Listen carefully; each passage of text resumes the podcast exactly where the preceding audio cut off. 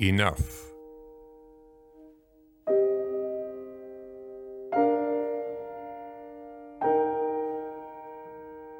Enough already. The saddest news of the fourth Friday in January broke early. Henry Louis Aaron had died peacefully in his sleep at age 86. Initial thoughts ran to the unprecedentedly long and terribly sad roll call of baseball greats who had recently passed. Within a span of 10 months, no fewer than 10 Hall of Famers had joined the great majority. And what a list it is. Three 300 game winners Tom Seaver, Phil Niekro, Don Sutton. The two pitchers with the most complete game wins in World Series history Whitey Ford, Bob Gibson. The one time holder of the single season and career records for stolen bases, Lou Brock.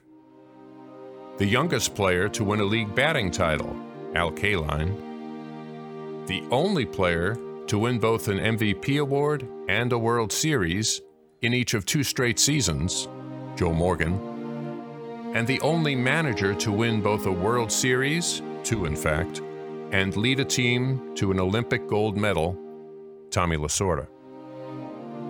But this news, this news about Aaron, it cut deepest and widest of all. Aaron not only had produced the most RBIs, extra base hits, and total bases in MLB history, more famously, he had steadily pursued and finally surpassed the most hallowed record in American sports Babe Ruth's 714 home runs, while under the constant pressure of hate mail and death threats based on his skin color. Few individuals have played the game at its highest level with the sense of quiet confidence that oozed from Aaron's every movement. And after witnessing the grace with which he endured throughout the Chasing the Babe saga, the country rejoiced at seeing Aaron's visible relief when he finally moved past the iconic Ruth on an early April night in Atlanta in 1974. One ball and no strikes. Aaron waiting. The outfield deep and straight away. Fastball is a high drive into deep left center field. Buckner goes back to the fence. It is gone.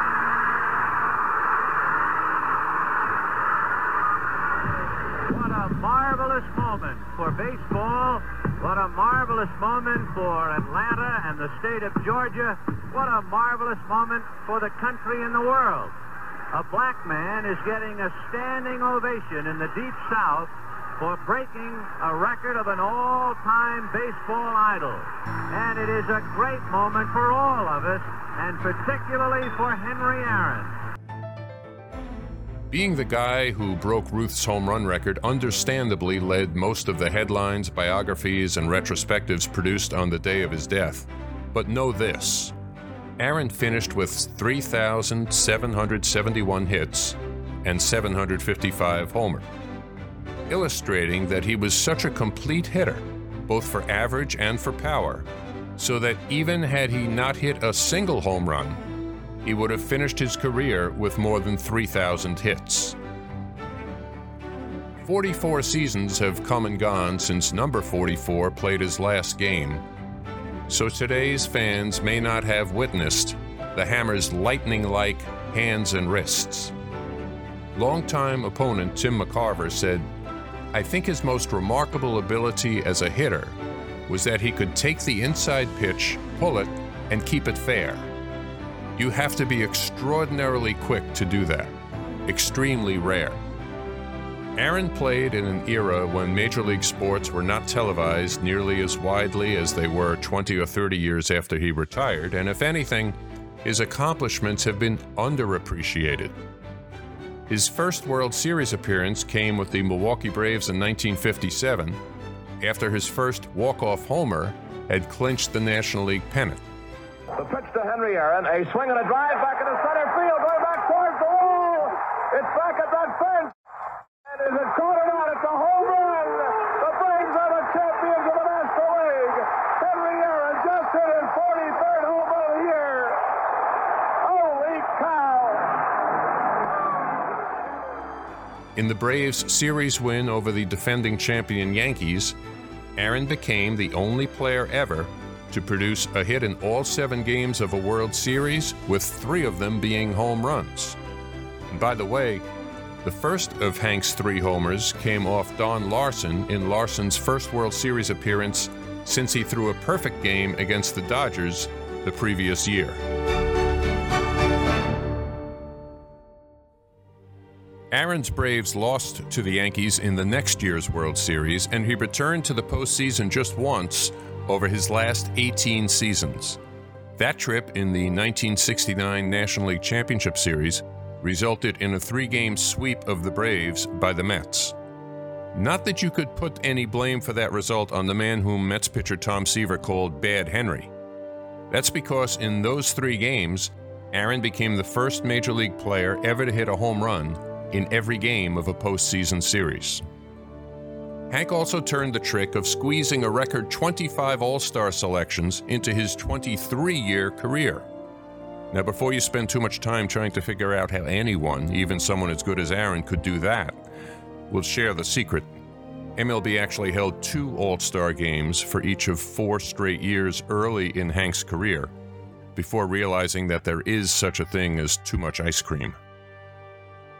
Born in Mobile, Alabama in 1934, Aaron was 13 years old when Jackie Robinson integrated the major leagues with the Dodgers in 1947. After playing with a couple of Negro League teams in the early 1950s, Hank was signed by the Boston Braves in June 1952 and played two years in the minors, where he finally gave up his unconventional cross handed batting grip.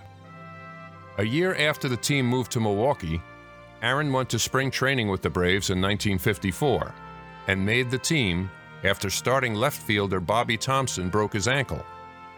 3,298 games later, during which the Braves moved to Atlanta in 1966, Hammerin' Hank finally called it a career. In between, his work was a model of consistency 20 seasons hitting 20 or more homers, 15 seasons hitting 30 or more, 15 with 300 or more total bases, records all, and no seasons of 100 or more strikeouts, a particular point of pride for the quiet man. The pitcher who struck him out most often was the Dodgers' Don Drysdale, who whiffed Hank 47 times. But Aaron got Drysdale back. His total of 17 homers off the side arming right hander was also his highest against any pitcher. While the majority of Aaron's home runs came while pulling the ball to left or left center, he hit his share of balls over the center and right field fences too, including a couple of memorable blasts that don't show up in his official total of 755 regular season home runs. Certainly the straightest home run that he or anyone ever hit came in the last postseason game he ever played against the Mets at New York Shea Stadium in 1969. In the first inning, he belted one that smacked off a flagpole planted beyond the center field fence that was itself 410 feet from home plate. When asked about that majestic blast some 30 years later, while suffering through an elevator ride with a uh, supposedly mature man, somewhat flustered to be in the presence of greatness, Hank just smiled with a faraway look and softly offered, Yeah, I think about that one sometimes too.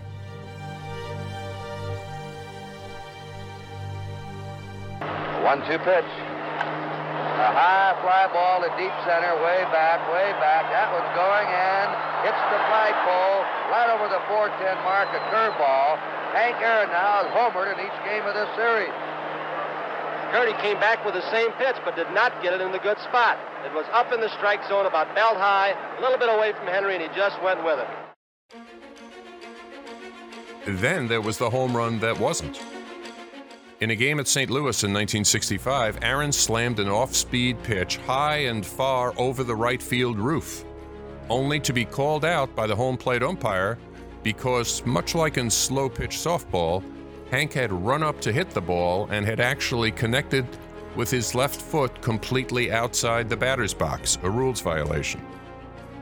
McCarver was the Cardinals' catcher that night and said that earlier in the game, after Hank had lifted an easy fly ball out, The umpire had told him, You know, Tim, if that ball had been dropped, I would have had to call Henry out for hitting it while out of the box.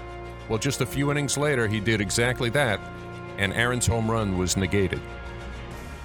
If that wasn't the craziest moment of Aaron's career, perhaps that designation belongs to the time that this all time great hitter, base runner, and outfielder served as the pivot man on a ground ball triple play engineered by the Braves in a 19 inning game at Pittsburgh in 1955 while Aaron was playing second base.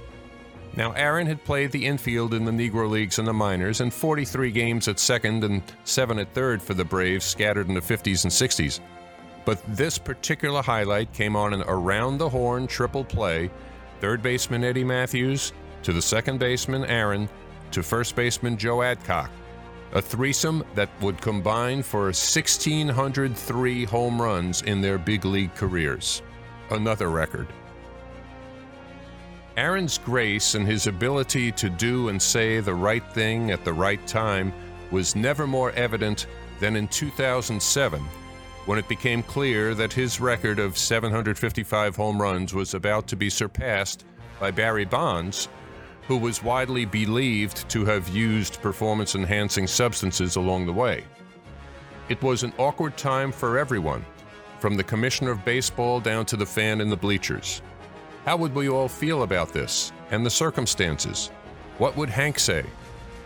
Well, Bonds hit his 756th home run in front of his hometown San Francisco fans during a game on August 7, 2007.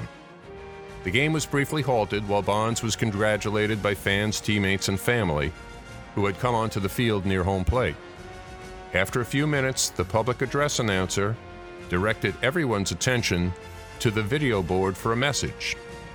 The stadium's roar quieted as the video board showed the pre recorded comments of a 73 year old man.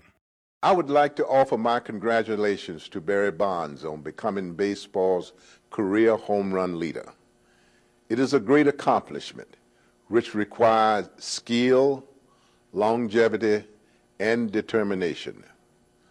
Throughout the past century, the home run has held a special place in baseball and I have been privileged to hold this record for 33 of those years. I move over now and offer my best wishes to Barry and his family on this historical achievement. My hope today, as it was on that April evening in 1974, is that the achievement of this record will inspire others to chase their own dreams. Hank Aaron's dignity, integrity, and character resounded through a ballpark in San Francisco on that summer night in 2007. They still resound, perhaps even more loudly, in the winter of 2021.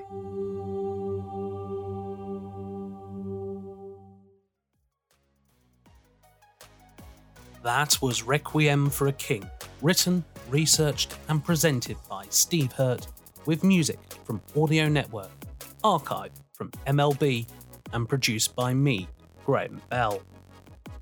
This has been a production for The Analyst, home of data driven storytelling, which features great in depth articles from across the US sports scene, as well as specialized data visualizations and more podcasts like this with the soon to be launched Box Score Show why not head over to our website, theanalyst.com, now to see what I'm talking about? Or alternatively, follow us on Twitter at OptaAnalyst or on Instagram at OptaAnalystUS. You can continue to get lost in the reads from The Analyst by subscribing on your preferred podcast application like Spotify, Apple Podcasts, Google Podcasts, and many others. And we would love for you also to rate and review the show.